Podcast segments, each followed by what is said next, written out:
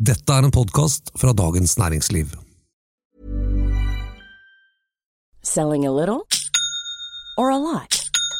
Shopify helps you do your thing however you cha-ching. Shopify is the global commerce platform that helps you sell at every stage of your business. From the launch your online shop stage to the first real life store stage, all the way to the did we just hit a million orders stage. Shopify is there to help you grow. Shopify helps you turn browsers into buyers with the internet's best converting checkout. 36% better on average compared to other leading commerce platforms because businesses that grow grow with Shopify. Get a $1 per month trial period at shopify.com/work. shopify.com/work. Burrow's furniture is built for the way you live. From ensuring easy assembly and disassembly to honoring highly requested new colors for their award-winning seating, they always have their customers in mind. Their modular seating is made out of durable materials to last and grow with you. And with Burrow, you always get fast, free shipping.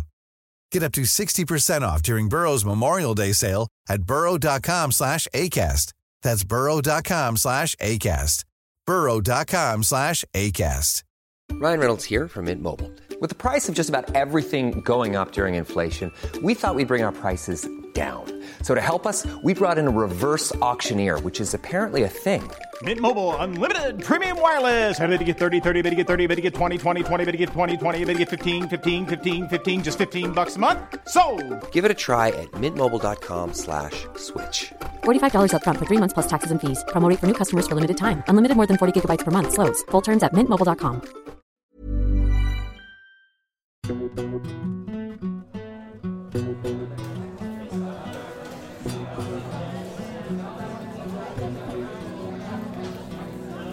til en ny sending fra DN-teltet under Arendalsuka, der vi i dag har mannen bak Jens, Stian Jensen.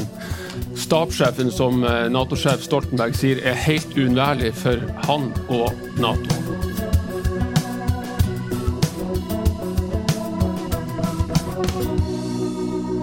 Så først, Stian, kan du bare fortelle hva du gjør som stabssjef?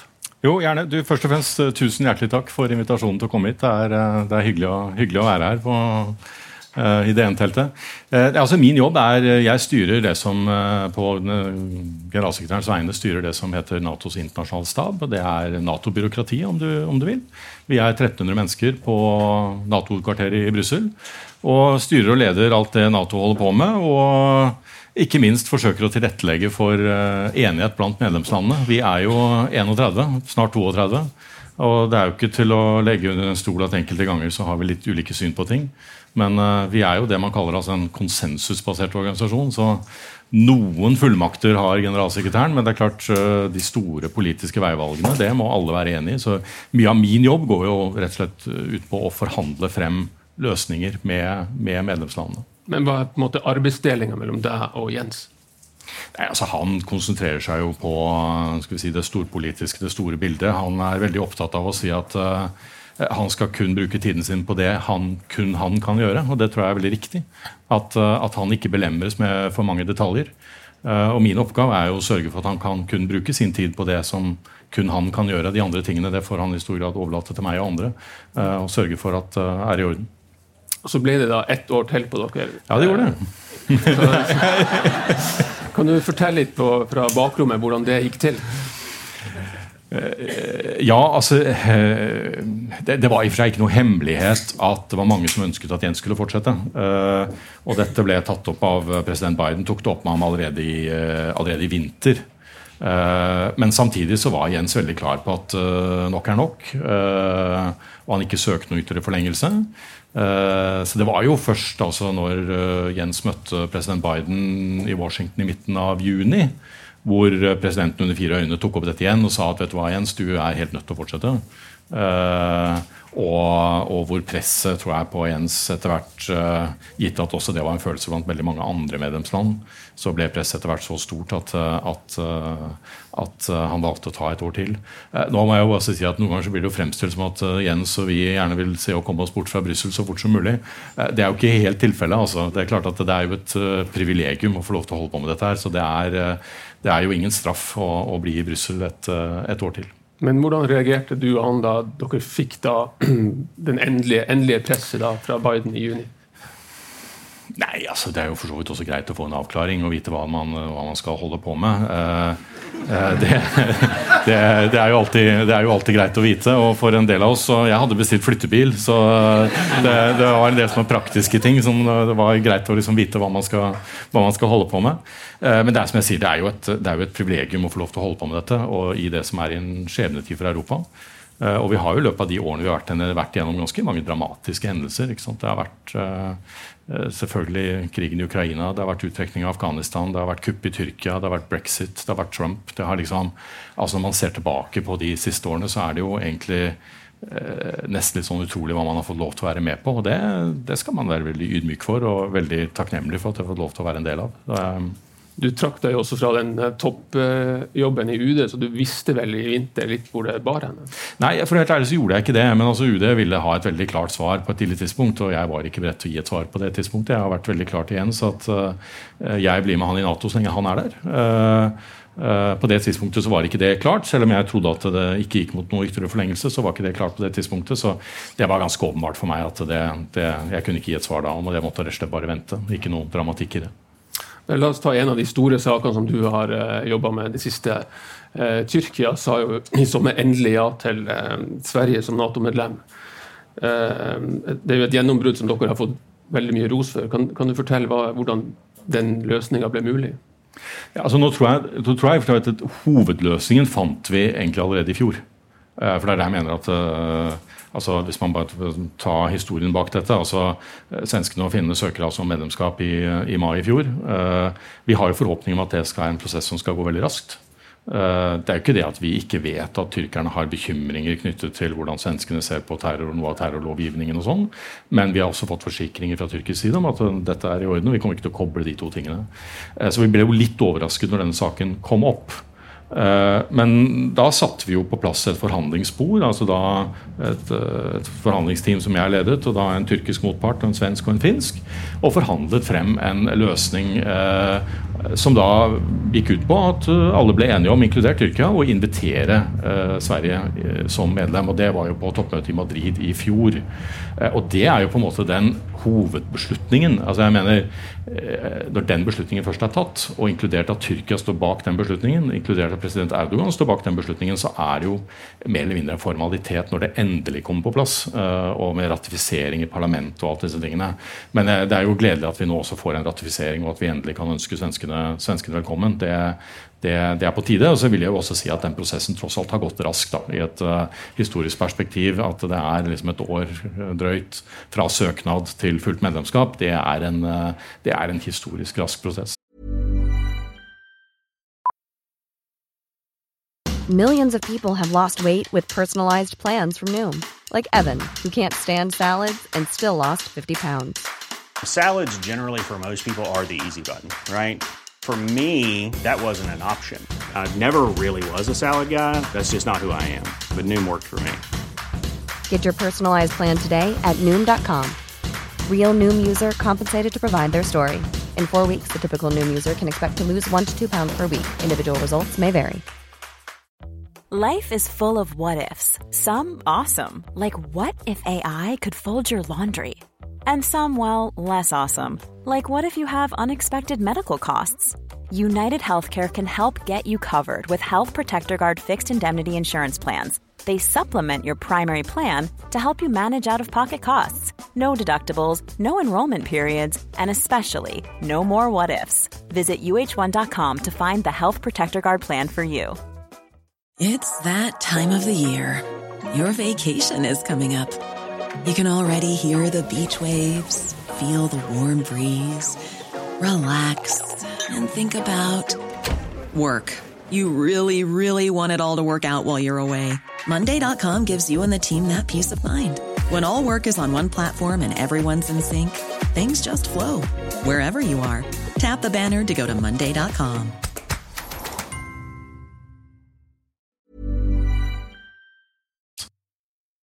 Men Erdogan er jo blitt kritisert for å bruke koranbrenning og, og Sveriges eh, kurdervennlighet for innenrikspolitiske formål. Men hvordan ser du at Sverige kunne oppført seg annerledes?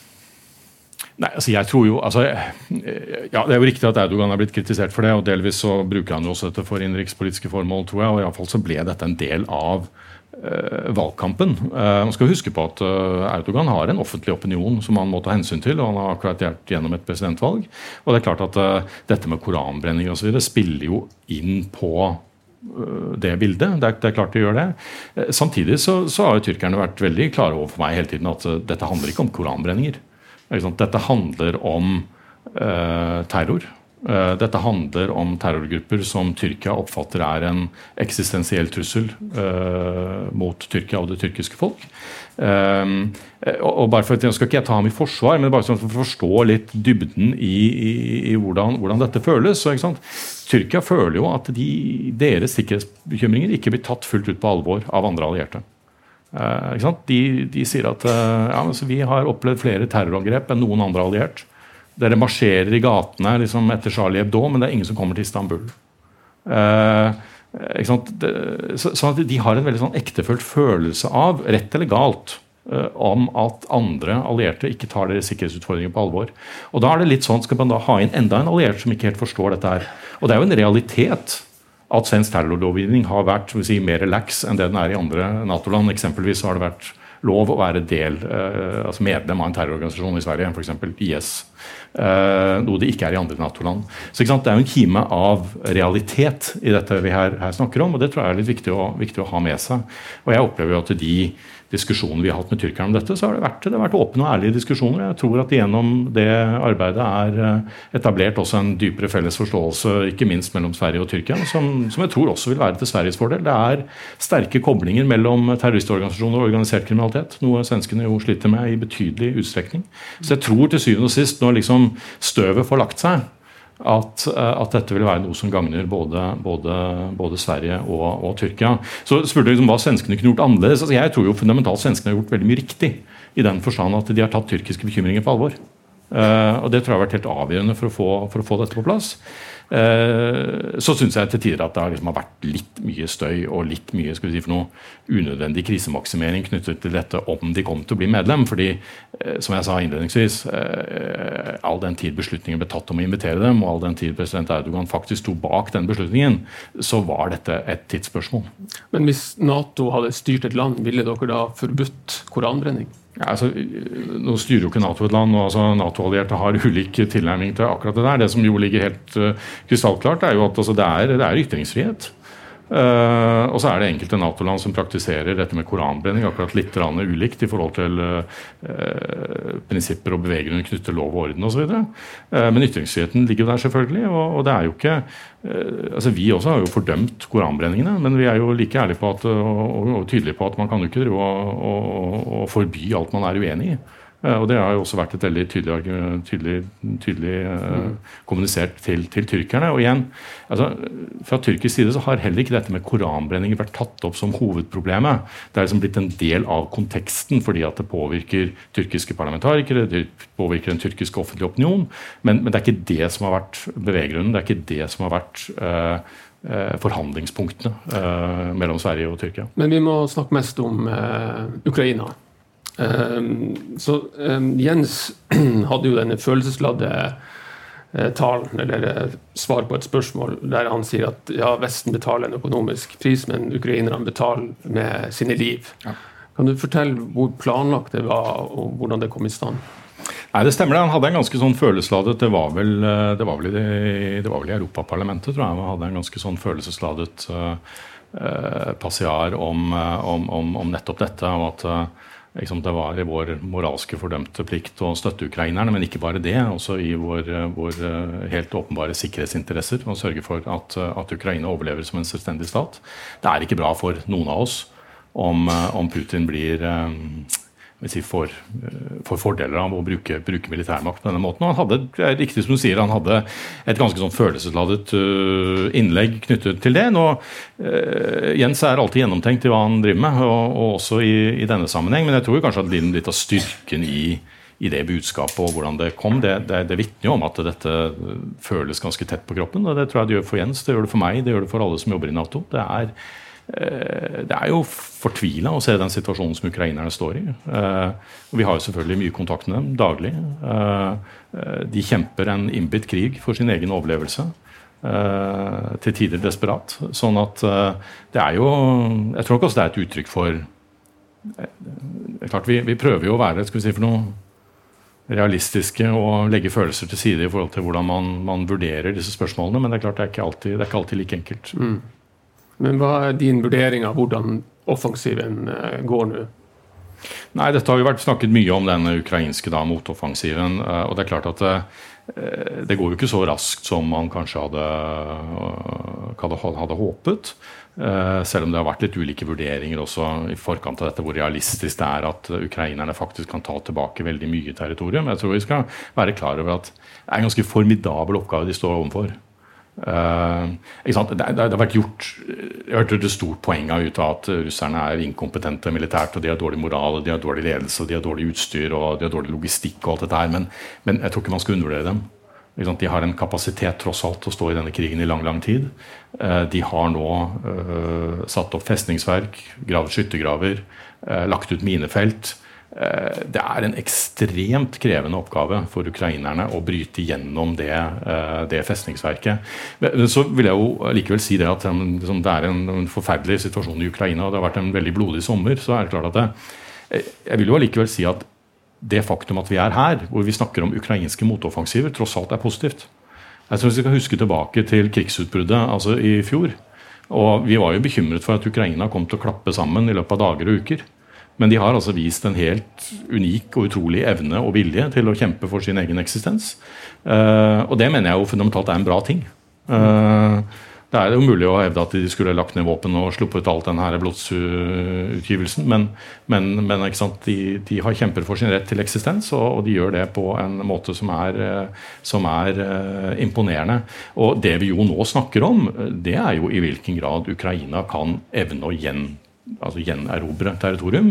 Ikke i hvilken grad Russland kan gjennomføre ytre offensiver. og det, det, tror jeg er et tegn på hvor langt vi tross alt har kommet. Altså. Uh, Men det ville ha gått, kunne ha gått bedre for Ukraina hvis de hadde uh, luftherredømme. Og hvorfor gir vi ikke dem det?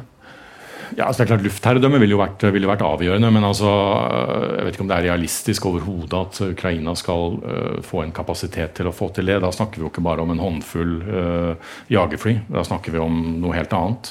Og vi snakker jo også om en storstilt kapasitet til å ta ut russisk luftvern, som har vist seg å være ganske effektivt. Uh, slik at jeg tror ikke det er et, et, et realistisk siktemål. Så dette er jo for alle praktiske formål en krig som utkjempes på bakken. Uh, og den, den, er til tider blodig. Ukrainerne står overfor altså, som jeg sa, en, en enorm oppgave. Uh, samtidig så, så, så, er det jo sånn at uh, hvis man først bryter gjennom et av dette, disse forsvarslinjene, så kan de potensielt ta ganske mye territorium. Så gjenstår det å se i hvilken grad hvor mye de klarer, og i hvilken grad de kan gjenerobre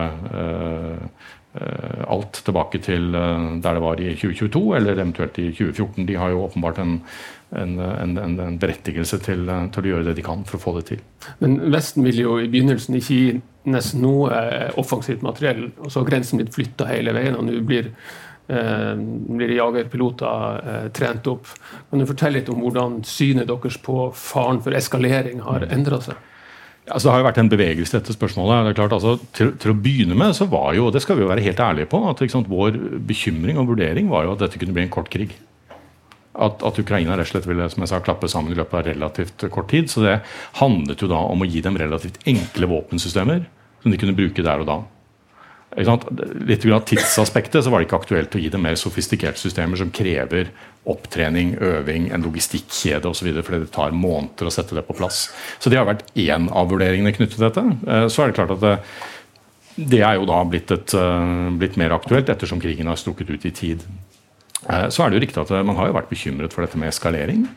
Uh, uh, og man har jo hørt at uh, russerne rasler med kjernevåpen og truer med bruk av det osv. Jeg mener jo det ville jo være helt uansvarlig å se bort fra risikoen om, eskalering. så Derfor syns jeg ikke det er så rart at den veien på en måte er gått litt til mens vi, mens vi går. Eh, men, men, samtidig så er dette en, det er en vanskelig avveining. fordi altså På den ene siden så skal man håndtere altså da faren for en mulig russisk eskalering og faren for hva russerne kan finne på dersom de blir trengt opp et hjørne. På den annen side så er det jo også sånn som min sjef har sagt, at våpen virkelig er veien til fred. Hvis man ønsker å få en slutt på dette her, så må man jo endre kalkylen i Moskva. Foreløpig er kalkylen i Moskva den at vi er ikke interessert i å forhandle om noe. Eh, vi tror at tiden er på vår side. Og med mindre man kan gjøre noe på bakken som endrer den russiske kalkylen, Eh, så, så, så, blir jo dette fort en veldig veldig lang krig. Så, det, er et, så det er et stadig dilemma der. og Jeg sier ikke at vi har fått liksom den balansegangen rett, men det er iallfall en realitet at uh, ukrainerne er vesentlig mer militært kapable i dag enn de var for et år siden. Det er også en realitet som jeg sa at uh, det vi nå snakker om, det er om Ukraina kan gjeninnta territorium, ikke det motsatte. og Det er tross alt altså, en kime til optimisme oppi hele elendigheten. Men får Ukraina det de trenger nå? Altså Jeg opplever at allierte gjør det de kan for å støtte Ukraina. Eh, det, det, det opplever jeg også. Det ble gitt De første, første åra av denne krigen så ble det gitt noe i retning av 150 milliarder dollar i, i støtte. Det er ikke et ubetydelig beløp. Mm. Og som jeg har sagt, Det har jo en, har jo en, en effekt på, på, slagmarken. Det er klart at Nå skal ukrainerne få det meste av æren for dette. her. De, som jeg sagt, de har utvist et enorm vilje og mot til å stå imot overmakten. Men det er klart at de ville jo ikke klart dette uten også støtte fra eh, Nato-allierte. Eh, så kan man alltid diskutere om man kunne gjort mer eller kunne gjort ting annerledes, men jeg, opplever at det er en sterk og vedvarende vilje til å støtte Ukraina med, med det de trenger. Men hvor stor er faren nå for at krigen trekker ut, at den blir frossen, at det tærer på eh, Vestens vilje, og spesielt USA? Nei, altså, altså Tære på Vestens vilje altså jeg, det er klart, som jeg sa, Vurderingen i Moskva, i hvert fall vår vurdering er at vurderingen i Moskva er at dette, så dette strekker ut i tid, det, det taler til deres fordel. Um, og de kanskje ikke tror at vi orker å stå i dette løpet. De tror ikke at ukrainerne orker å stå i dette løpet. Det kommer et amerikansk valg, ting kan skje. Uh, at det sånn, Fra russisk side så kan man stå i dette og, og tjene på dette over tid. Uh, nå er det jo, altså Jeg skal ikke si om det er liksom sannsynlig at vi orker å stå i dette eller ikke. Det jeg i hvert fall registrerer foreløpig, er at viljen på vestlig side til å støtte Ukraina den har vært, den har vært stor. Eh, man ser også på meningsmålere i befolkningen at det er eh, stor støtte fortsatt til å støtte Ukraina. Eh, så du kan si, Man kan gjerne diskutere hvor sannsynlig det er at det kommer til å fortsette eller ikke, men det er jo litt opp til oss. da.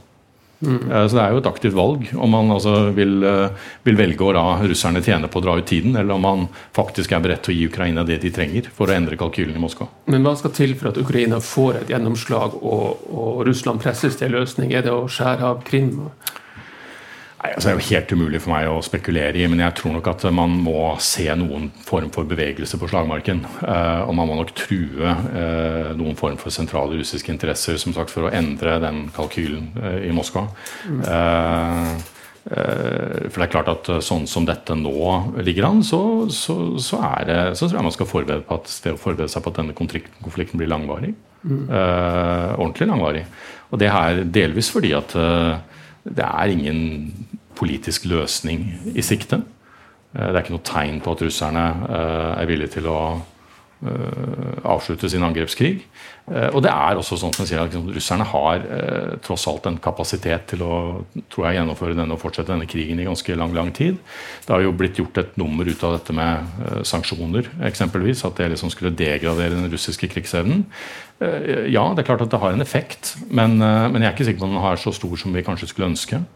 Eh, når sanksjonene ble innført etter krigens utbrudd i, i fjor, så snakket liksom de mest optimistiske om et fall i russisk BNP på 10-15% for fjoråret. Fasiten kom inn på to. Eh, og i år så tror man vel at Russland kanskje kan få økonomisk vekst. Uh, og jeg tror det er mye som tyder på at også desto lengre tid det går, desto lengre tid får også Russland på seg til å liksom, omstille økonomien og komme seg rundt vestlige sanksjoner. Uh, slik at de har en kapasitet tror jeg, til å fortsette denne krigen i ganske lang lang tid. Med et mulig X-faktor, og det er at det fortsatt er politisk stabilitet i Moskva. Men kan løsninga være at vi gir deler av Ukraina Nato-medlemskap, mens de gir bort litt av landet sitt til Russland? Altså Jeg tror ikke jeg ville koblet de to tingene så direkte. Uh, det, det, tror jeg, det, tror jeg, ikke er riktig. Men, men, det er klart at hvis man skal se for seg en eller annen form for løsning på dette på et eller annet tidspunkt, så først og fremst så vil jo det avhenge av om Russland i det hele tatt er villig til å forhandle noe som helst. Eh, det vil også være til syvende og sist opp til ukrainerne hva de er villige til å, uh, til å diskutere. Men det er klart at det, er to så jeg ser det, to fundamentale forhold som må bli en del av en slik situasjon hvis vi kommer dit. Og Det ene er jo situasjonen på bakken som hvem kontrollerer hvilket territorium. Og Dette handler i og for seg ikke om rett eller galt. altså Hva som er rett her, er helt åpenbart. og Det er at Ukraina har rett til å kontrollere og få tilbake alt ukrainsk territorium, inkludert Krim og det uh, Russland tok i, tok i 2014.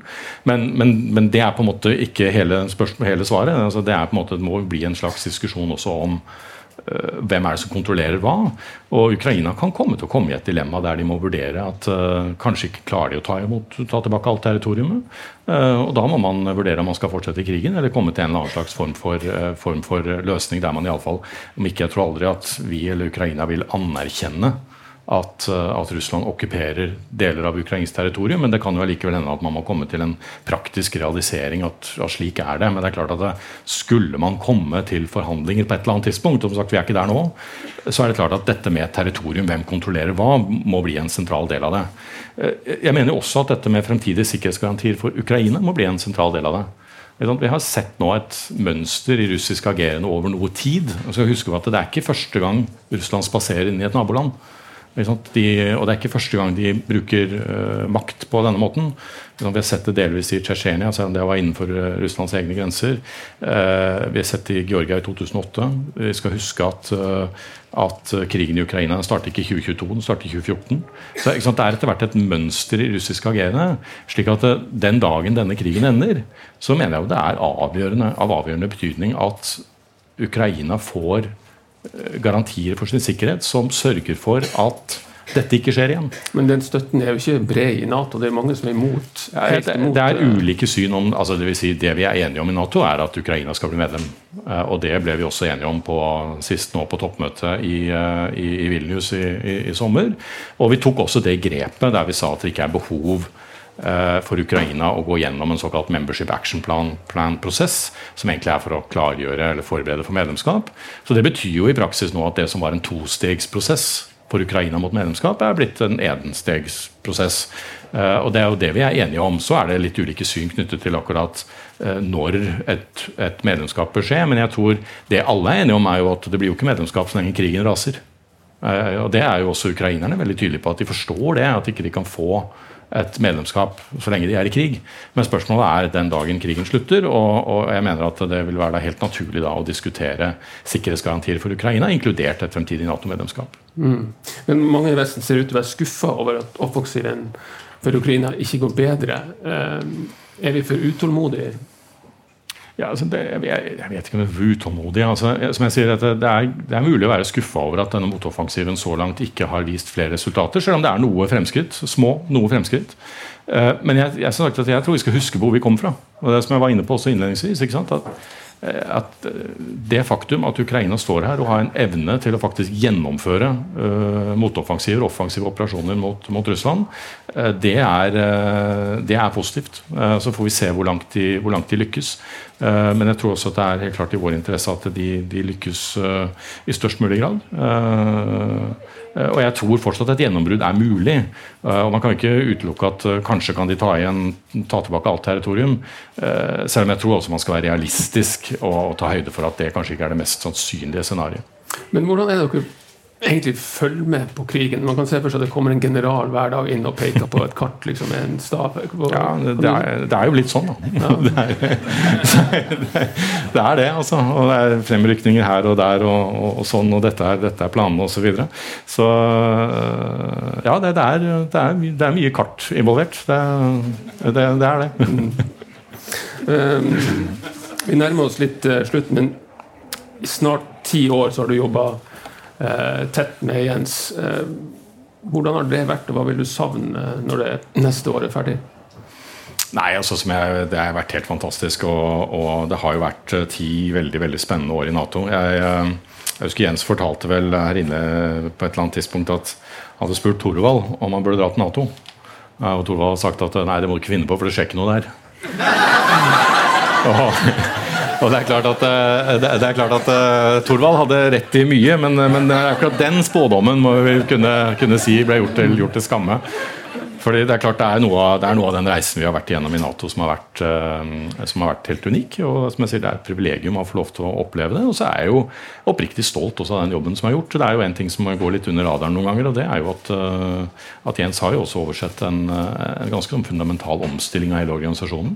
Uh, altså Man skal huske på at der man var, at man drev liksom operasjoner i Afghanistan og Libya og, og Balkan og sånn, var overhodet ikke satt opp for å drive forsvar hjemme.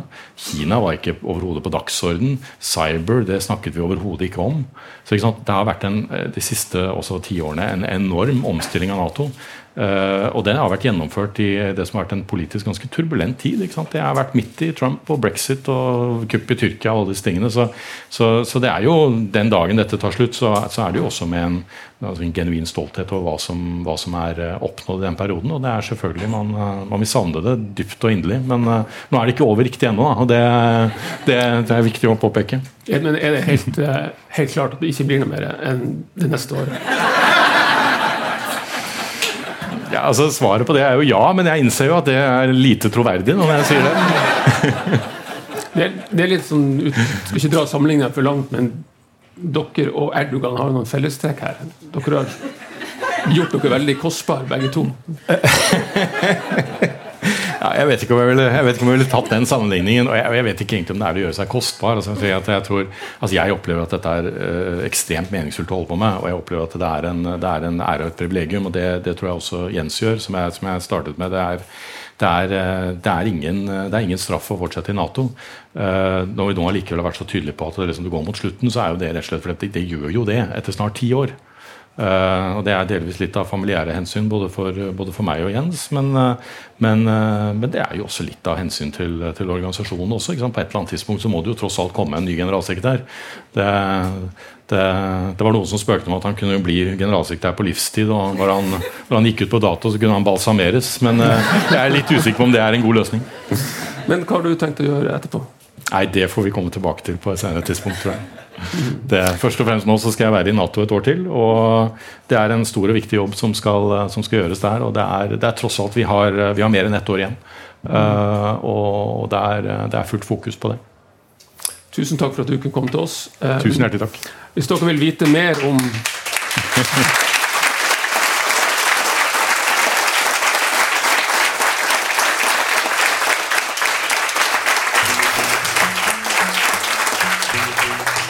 hvis dere vil vite mer om Stian Jensen, så kan dere gå inn på dn.no og lese magasinsaken fra i vinter. Eh, og i morgen så kommer eh, det mer politisk snacks her med fremtidens statsministerduell. Da med Henrik Asheim og Tonje Brenna. Takk for i kveld.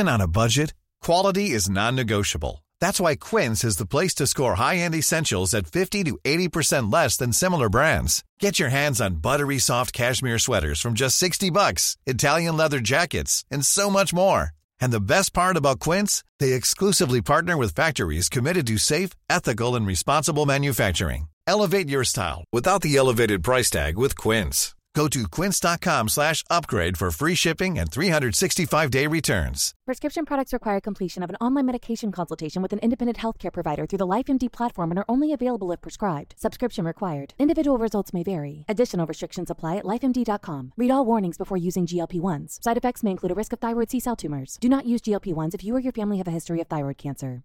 If you've struggled for years to lose weight and have given up hope, did you know you can now access GLP 1 prescription medications through LifeMD? LifeMD is now offering eligible patients online access to GLP 1s, the breakthrough prescription medication that can help you lose body fat and weight. Listen to what people are saying. You just take your shot. It doesn't feel like you're on a diet. What I wasn't expecting it to do was to shut off the food noise. This was life altering. And if I can do it, I feel like anybody can do it. And here's the best part your insurance may cover 100% of the cost of your medication. So go to trylifemd.com to have your eligibility checked right now. Get started today at trylifemd.com. That's T R Y L I F E M D.com.